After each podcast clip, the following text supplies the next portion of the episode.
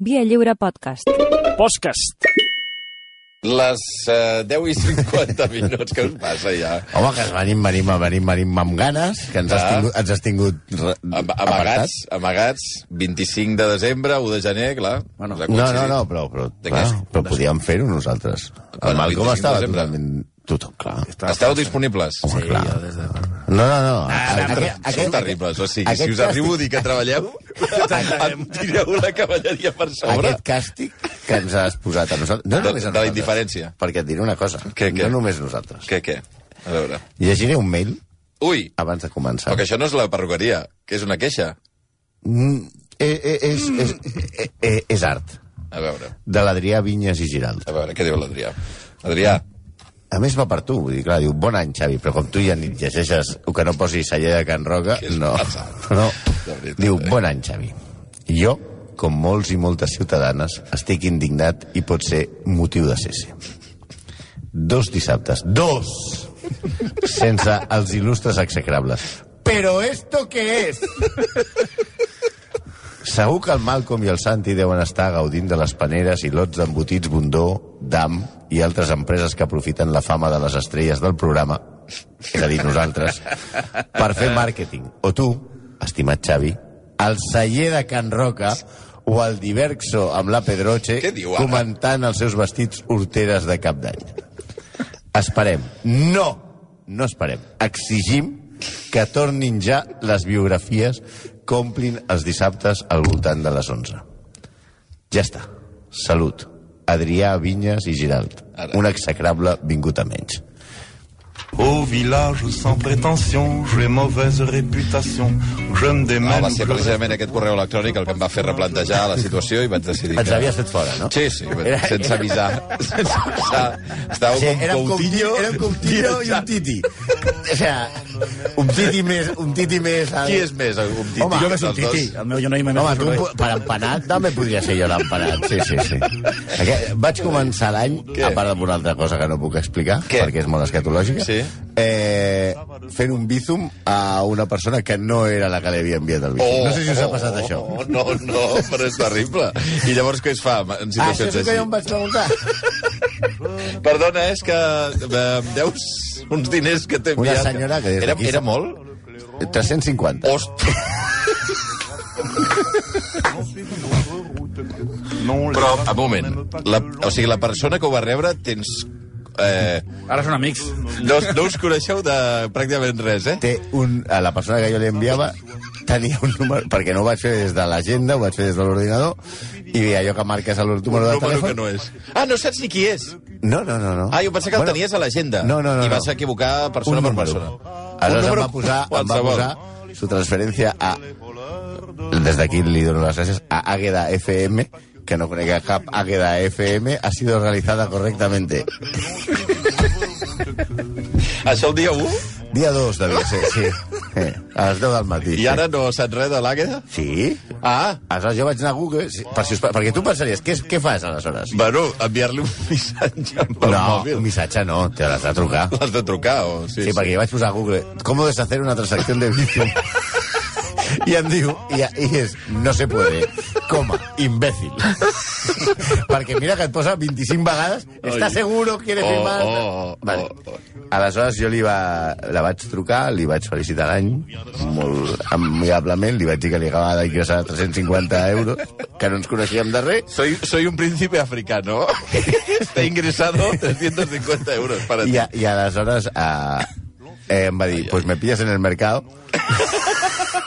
O por la Gastano. calle em va dir, i, i, i em va dir, va dir no, pues ya eh, cuando suba a casa te lo la senyora gran. I jo vaig dir, ja està als 10 minuts me- me'ls va tornar No. sí Bravo per la senyora Águeda, sisplau. De bravo, Múrcia. bravo. ¿De és? No, no, del, ¿Dónde és? de Luján. Ella me De Luján, pregunta, de ¿de dónde Luján. me llamas? Y yo de Barcelona dice, yo estoy aquí en Luján, Almería. Y yo, bueno, ¿qué tiempo hace? I jo, fent-me, si no he sigut més simpàtic en la meva puta vida. Home, doncs has de fer una panera, alguna cosa. Li vaig enviar un missatge enviant-li, bueno, petons i de tot. Dir, sí. Va salvar els 350. Hosti, doncs mira, El Nadal existeix, les bones persones també, Sí. i els empanats un titís també. bueno, avui què fem? Mira, queden 5 minuts per les 11, ja, Bueno, gràcies, i ja, tornarem no, l'any que ve. Clar, si tenies l'Argemí aquí, pues, no. Argemí?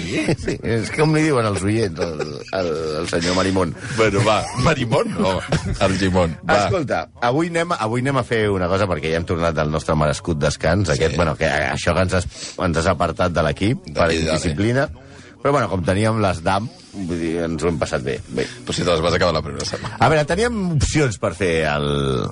Pensa que, clar, quan ens vas dir que ens apartaves de, de la primera plantilla, eh, aleshores el Malcolm tenia 21 dies per fer un execrable, que l'ha enviat avui a les 4.57 del matí. Ah, excel·lent. perquè, perquè dubtàvem una mica. Vam pensar, com ens va suggerir un oient, amb els bessons Bogdanov. No saps qui, saps No, qui són?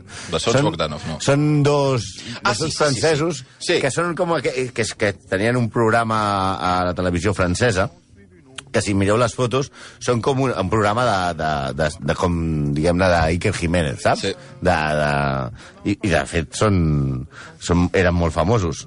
De fet, que els bessons els dos morin al cop de Covid em sembla poètic. Però són com una barreja de Carmen de Mairena, Marujita Díaz i una meca de, de Chucky. Molt operats, molt. Ells sempre, Busqueu la foto, sempre és, van dir que no s'havien operat mai. bueno, no com, no com un tití. És que els estic veient ara i són personatges de Teleñeco. Són teleñecos, sí, sí, sí. Però els vam descartar per poc il·lustres. Després va, va, va i palma Sidney Poitier. Sí, bueno, vaig veure alguna pressió eh, en aquest Sí, però és intocable per nosaltres. Sí, eh, també. Sí, Vale. perquè, a més, només l'únic acudit que se'ns acudia és que és l'únic home que juntava a Austràlia i França amb el seu nom, Sidney Poitier, que tampoc té massa gràcia, i a més el tio va palmant divendres a la tarda, o sigui que no ens dona temps a res. I el Malcolm necessita temps per fer les coses. Així que decidim tornar als nostres orígens i destrossar la vostra infantesa. Ai, no. Un capítol més de Destroza mi infancia. No.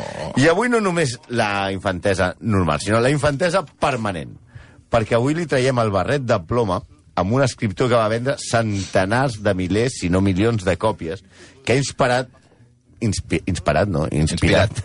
Diverses pel·lícules, evidentment, tots tenim... Bueno, famoses n'hi ha moltíssimes.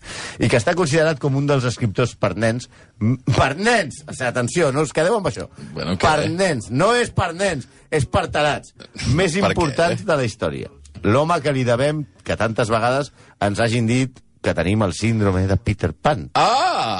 Un home que va escriure una història universal, però que era raro, raro, raro, raro, raro, raro, raro, i sinistre de veritat. Oi, oi, oi. Amb unes relacions amoroses, per dir-ho d'alguna manera, molt peculiars, i que, a més a més, claríssimament era un assatjador de menors, i de sexualitat molt fosca, però no molt fosca en el sentit Oscar Nin, no.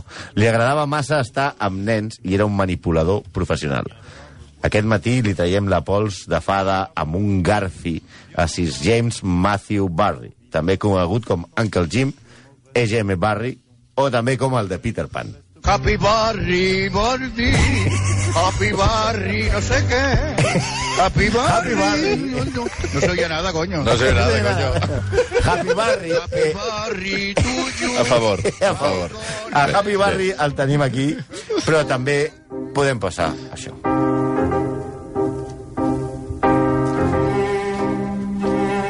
És de les millors músiques que he posat en Ah, clar, perquè tu ets molt culte, no? Què és? I no miris el guió. Barry Lindo. molt bé, molt bé. Que, el, que no Que podia... anaves veure, que anaves veure en, en l'Apple Jo Watch. vaig veure Barry. només. Perquè dura 3 hores 24 minuts. Barry, Barry, tu i jo. Vale, Happy Eh. Barry, tu i un... A veure, no podíem, el que no podíem era posar la música de Peter Pan. I hem posat la de Barry, en aquest cas Barry Lyndon. Però anem amb el nostre, el nostre barri. No vull dir que anem al nostre barri, sinó en el nostre... Cadascú té el seu barri. el barri, sí. Gent del barri. És que avui barri. tenim molts acudits de la gent del barri, la Paquita la del barri... La del barri, barri amunt, barri guy avall. from the hood... Bueno, el nostre barri era fill d'un teixidor de cert èxit. Parlem de l'ofici, eh? No del Fernand Teixidor aquest que va estar... Aquest sí que va tenir, eh? aquest sí que té Sí, èxit. de veritat, sí, és que no van ser ous, és una cosa. Era, era, era, el nové, era el nové de 10 fills. Quan tenia 6 anys, el seu germà gran, David, que era el favorit de la seva mare, va morir en un accident patinant sobre gel. Que també és mala sort, eh? La El mare va... L'accident patinant sobre gel. Morir amb un accident patinant sobre gel. Ja no mor la gent així. Ja, és veritat. La- La, la la gent mà- no patina sobre gel, tampoc. No, no hi ha gel, és, és el canvi climàtic. La, la, Ja han tancat l'escàting. han tancat l'escàting. Com Això vol la avui no gent... passaria, Clar, la gent perquè no- no hi ha gel. Ai, bueno, la mare va entrar en una depressió, òbviament, eh, i aquí apareixen ja dues versions. Una és que el petit Jimmy volia fer feliç a la seva mare i per això es vestia amb la roba del seu germà mort Hosti. i xiulava i es movia com ell. Esperem que no patinés com ell. Ui, ui, ui. Segons Jimmy, que, va, que, que va escriure una, una mena de biografia a la seva mare, la seva mare, quan entrava a la cambra, deia «Ets tu, David?» I ell responia «No, només sóc jo». Hosti, quina tristor. També, Molt segons trist, molt ell, trist, molt Oh. trist, molt trist. eh, ell llegia a la seva mare llibres de Robinson Crusoe, Ivanhoe, i que ella volia que no creixés mai per tenir sempre un nen al seu costat. Va- S'ha de dir que de gran feia 60, o sigui, tampoc va créixer molt. No, això... això, es va quedar petit. això ja és força tèrbol en si mateix, però segons Pierce Duncan, que és un biògraf, és molt probable que Jimmy estigués involuntàriament relacionat amb l'accident del seu germà Ai. i que la seva mare no el perdonés mai. És com. Oh. allò de, de les dues patinadores, no? Que, que tenien rivals. Que li, que li Tonya volien Harding trencar i- Tonya Harding i l'altre, com es deia, no recordo.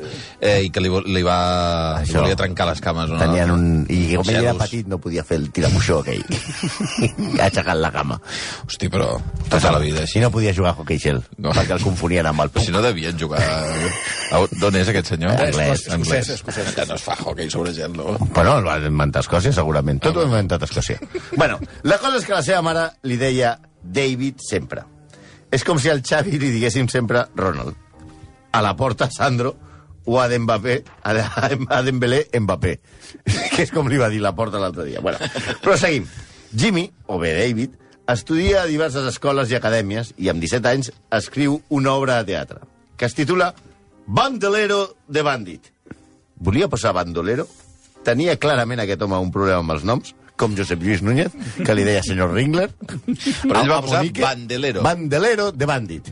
Bueno, bueno l'obra és titllada dins... Problema del Barcelona. Los- a Monique. los- a Monique.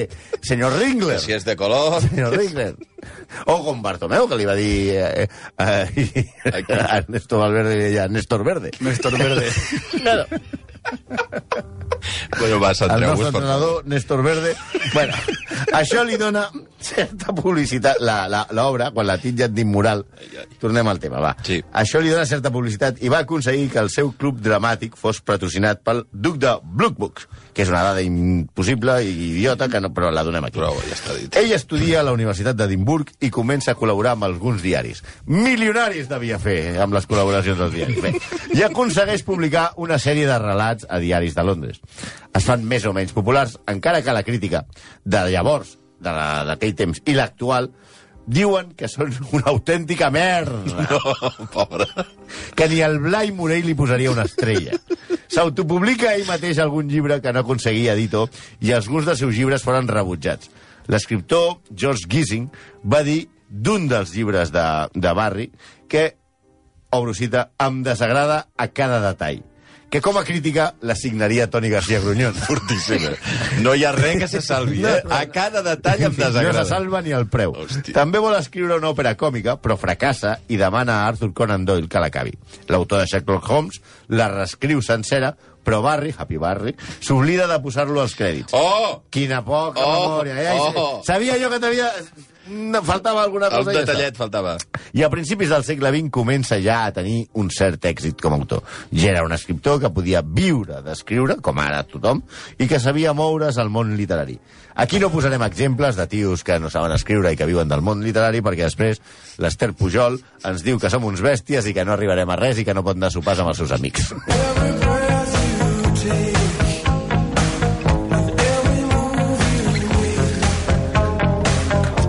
Aquesta, òbviament, és la cançó més famosa de la història sobre l'assetjament. Sí, ah, molt bonica, molt bonica. tots És molt canten- bonica fins que et llegeixes la lletra i dius... Uh, Igual aquest tio, fa por, eh? igual aquest tio està perseguint una... eh, desmesuradament algú, no? Hosti. I aquí apareix un altre tret de la personalitat d'alterat de, de barri, gent del barri. Encara que diuen que no tenia capacitat d'estimar, Sí. segons un assaig, manipulava i simulava efectes, Ui. mira, com Luis Figo. Però què? Home, mani... qui qui és el tio que més ha manipulat i simulat efectes? En, en el segle XX, XXI, XIX, XVIII... Tot. Per favor. Luis Figo! Ara agafarem en Figo. No, sí, no, és que anava a posar Messi, però m'ha semblat que Ja, encara... ja, encara- ha de encara és massa recent. Madrid, encara ha de jugar contra el Madrid. El mal és massa recent, encara. Sí. La, la cosa és que no estimava, però sí que admirava de manera malaltissa. Els més benèvols diuen que era mitòman, mm. i més recentment l'acusen directament d'assetjador. Però ja, de assetjador, petit, assetjador, ja ho veureu, eh? ja de petit seguia a tot arreu a l'historiador Thomas Carlyle per poder tocar-lo. Oh. Però quan arribaven a prop seu, quan en arribar a prop seu, mai no s'atrevia. També ja a Londres, i assetjada d'escriptor, va perseguir durant mesos el novel·lista i poeta George Meredith. I quan Meredith se li va costar, li va dir, noi, què, què, què fas? Què passa? Va capgirar i va sortir corrents. Hosti. Això va passar amb més escriptors. Imagina't que et segueix un tipus a tot arreu Un tipus i de preguntes... metres 60, que et va seguint per tot I arreu. quan li preguntes, però què, què, fa, vols? senyor Petit? I diu, no, no, no, i surt corrents. Sí, sí. Clar, soc el Puig. Quina angoixa. Surt corrents. Home. Però l'escriptor que de veritat el va obsessionar va ser l'il·lustrador i novel·lista, que és el gran supervendes, el tio que ho patava tot eh, en aquella època, o sigui, el, el Trooper Reverte de la- de la- de l'època, que era Georges Dumaguier un dels gegants socials del Londres literari d'aquell temps. Dumaurier havia escrit Trilby. Trilby què és? És la història, atenció, perquè s'a- s'a- s'adequa molt a la història del nostre personatge. Trilby eh, és la història d'un músic obsessiu anomenat Svengali, que s'enamora de Trilby i somia en convertir-la en una gran cantant. Però hi ha un problema. La Trilby és sorda! Per tant, no pot cantar. Aleshores, a través de la hipnosi, l'argument és collonut, com podeu veure, la fa cantar, però també l'esclavitza. Marvado. Ui. Eh, Aquesta història va vendre a la seva època 300.000 còpies i es considera el primer best-seller literari de la història, més que Dickens. O sigui, per Barry, Trilby representava el tipus de història de manipulació i jocs mentals que ell manegava i que a, a practicava. Volia concentrar-se en ell, però la màgia hipnòtica, que volia que la màgia hipnòtica s'encomanés també a ell. Però poc abans de contactar amb Dumarnier, Dumarnier la palma. Dumarier, eh? No Jimmy. Per cert, Dumarnier on havia nascut? No sé, no havia nascut, ja. A París. Com puto PSG!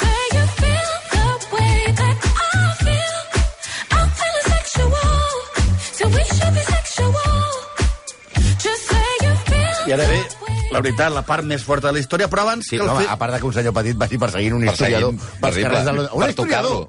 Un historiador. Exacte. Tot allò. A sobre. Sí, tu t'imagines allò... A, Que tipus de filia perseguint és? el culla al carrer? Un senyor petit? Senyor Culla. Senyor Culla, senyor No, Culla. sense dir-li res. No, no, i quan, quan, quan el mira surt corrents.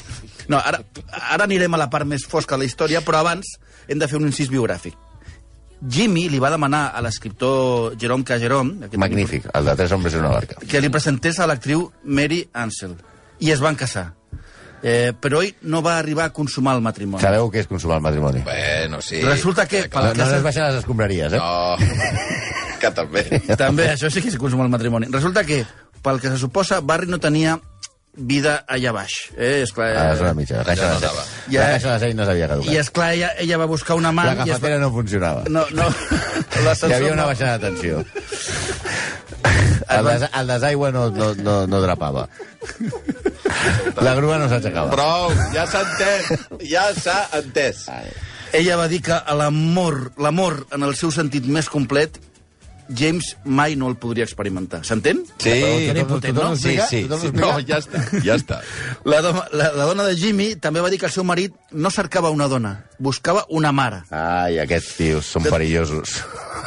De totes maneres, la sexualitat de Barry no vol dir que no sentis res. Li escriu una carta a Louis Stevenson que diu, obro cita, per ser franc, he descobert o he sospitat des de fa algun temps que t'estimo i que si haguessis estat dona, No te salva el culo ni nadie. Punts va. suspensius. El més No, curiós... no li va dir. No, ja, ja, ja, Si punts suspensius. dona- Ell va No. deixar els punts suspensius. Te voy a dejar, te voy- te- Prou, te- no, no, te és a igual. munyir És que prou, prou, prou, prou, prou, prou. del Prou, Cadí Moixeró. 2022, tu estem a 5. Eh, Però el, el problema és que, i el més raro de tot, el més curiós, és que Stevenson i ell no s'havien vist mai.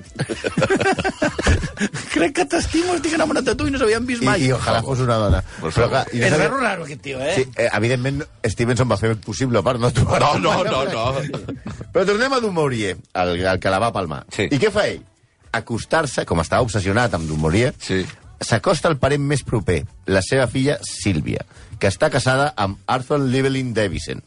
Ell, sempre assetjador, va organitzar una reunió pel matrimoni, per la Sílvia i l'Arthur. Un sopar de societat on va declarar que Sílvia era la criatura més vella que havia vist a la seva vida. I va començar a regalar-li coses a ella i als seus cinc fills. Atenció, els cinc fills. Arthur, el marit, estava molt molest, però va morir d'un càncer a la cara. Al poc va morir ella. I Sílvia va deixar al seu testament que la seva germana, que es deia Jenny, fos la tutora dels seus fills. Però Barry, que estava obsessionat amb la família de Dumouriez, va canviar Jenny per Jimmy. No! I així Per ell? es va fer, es va apropiar a la tutoria dels nens. Però què dius? És a dir, que estava tan obsessionat amb en Dumouriez que va assetjar, la, se- primer va assetjar-lo amb ell, després a la seva filla, quan mor el marit, que era el que la separava, segueix assetjant la filla, la filla mor, i quan la filla mor, es queda Els els nets de Dumouriez, els Oi, cinc oi, nens. oi, oi, oi. Sí, I sí, canvia home, per Jenny favor. Per Jimmy. Sí, ni que fos Forrest Gump, que deia, "Eh, queda aquí mi hijo, Jenny, Jimmy, no. Jenny. No. Jenny. Sí, ell, ell deia... Un segrest en tota regla de cinc nens. Sí, un segrest. Ell, ell deia... Aquest és l'autor de la, de la novel·leta, Peter aquesta que us agrada. Oi, Sí, deia, ell que deia que, que que es anaven a casar, però és que ella, sembla ser que ella no li va dir a ningú. Només ho sabia ell. Oh, eh, estàs estat mort, però ens a quedar segur, eh? Ja m'ho va dir que sí, me'n va dir que sí. Una... Increïble. Per, per, pel biògraf aquest, Dungeon, Obrosita, va ser va fer seus als nois i l'alteració de voluntat de Sílvia demostra que la seva estratègia era depredadora. Era un autèntic cabró. La relació amb els nois era rara. Segons Don Jones, Obrosita, els amics dels nens pensaven que Barry era esgarrifós. Hi havia una cosa sinistra en ell. No era tant la por a l'abús sexual el que, preocupa, el que els hi preocupava, sinó el domini que exercia sobre les ments i personalitats tan joves i impressionables. Dungeon diu també, Obrosita, la familiaritat física excessiva faria trucar als serveis socials en la societat actual. Entre- Tot molt tèrbol, eh? E, entre tots els cinc fills que ell eh, adopta eh, Sí, sí, de, bueno, de, manera, de, de manera, de manera fraudulenta, Sí, sí. hi ha un que és el seu favorit, que es diu Michael. Hombre. Michael tenia 10 anys quan Sílvia va morir. I era el més maco, el més ben plantat, el més bonic de tots els germans. Perquè tenia 10 anys. 10 anys és l'edat que Barry considerava la perfecció en un nen, perquè no sap si és nen o és nena. I tots dos es van donar, es van tornar molt propers, de manera, per dir-ho simplement, i aquesta vegada seré seriós, poc saludable. Segons molts dels que van presenciar la seva relació, això era esgarrifós. Sí, aquesta mena de, de Michael Jackson eh, que feia de protector als seus nens, però als, als nens no els hi va anar molt bé. Eh? Segons la, aquesta biografia, George va anar a la guerra per escapar de la influència del seu pare Clar, s'ha de pensar que no tenien ni PlayStation, ni telèfon mòbil, ni res, i diu, què faig per escapar? Me'n vaig a la guerra. i, i, la, i va morir a les trinxeres de França el 1915. Jack patia de depressió. Michael es va ofegar amb un amic a prop d'Oxford, possiblement en un pacte suïcida. I Peter es va suïcidar llançant-se sota les rodes d'un tren. Però Michael Sí. i Peter, si tots són noms del... de, de Peter Pan. Clar, que són Ah, és la família que dels inspira... nens que adopta, quatre, set, dos es suïciden, un té depressió i l'altre se'n va a la guerra per morir. Oi, oi, oi. Només Nico va sortir il·lès i va ser un gran defensor del, de l'oncle Jimmy.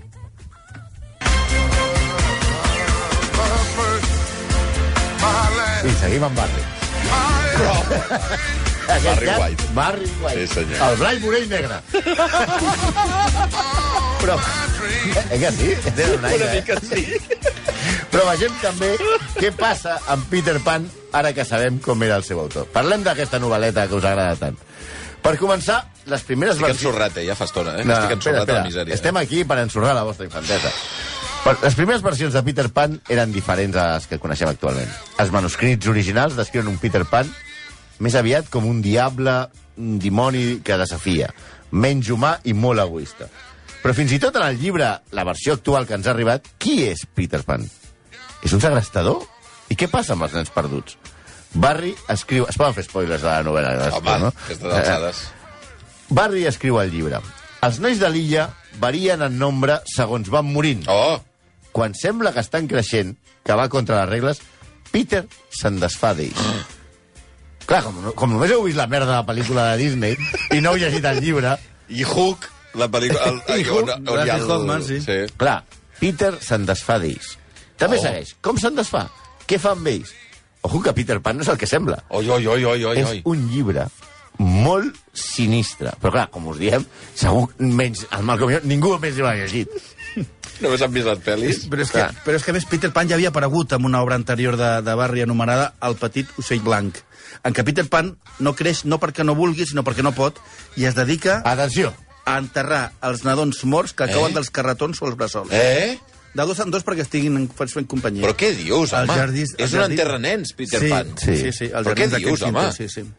La qüestió és, és Peter Pan la mort? A Peter Pan i Wendy, en el llibre, hi ha una frase aterridora, diu morir serà una aventura formidable. Dius, hòstia, això comença a fer por de veritat, eh? por. I encara li volem donar aquest llibre als nostres fills? I els volem... I ni- no, ara no, que no mirin el joc del calamar, eh? No, que això no és perillós, això no, Peter millor Pan, llegir, millor llegir. Peter Pan que el juego del calamar. No, home, no. Però si és molt més bèstia Peter Pan, no, no, perquè no el llegiu, hòstia. Però és que el llibre és que és molt pitjor. Campaneta, la, la fada, és una gelosa que vol matar Wendy. A matar-la. Vol matar-la. Matar-la, eh? Wendy és una nena de 12 anys que vol ser mare. De fet, existeix a, a, a, a, a, a psicologia, a psiquiatria existeix M'està agafant un atac de pànic, eh? l'anomenat síndrome de Wendy quan nenes volen ser mares. Barry era un tarat assetjador i amb un tracte molt escabrós amb els nens que va escriure un llibre que sembla dolç però que en veritat és un horror. Millor llegiu el Boe, la veritat. Íntegra. Com era la segunda a la derecha y todo recto hasta el amanecer. Sí, sí, sí, hasta el amanecer ja Hasta, vas hasta el amanecer dorado, sí. Uf, eh, no sé si em supero això ja, eh? Bueno, Estic sí, home, sí. la misèria. Res, ara un dineret i ja està. Bueno, nois, doncs res, ja, si de cas, ja la setmana que ve Escolta, ja... cert, has vist el xino d'aquí baix? Sí. Japonès, No, no? japonès. Ja, igual. Bueno, no ho sabem. Asiàtic. Asiàtic, sí. Molt bé si menja, eh? I has anat? No, però des d'aquí fem una crida... Prou, no, no comencis, va. Un minut per damunt d'un quart de dotze. Apa, adiós, adiós. Aneu passant, home, per favor. Prou. Sauf les aveugles, bien entendu.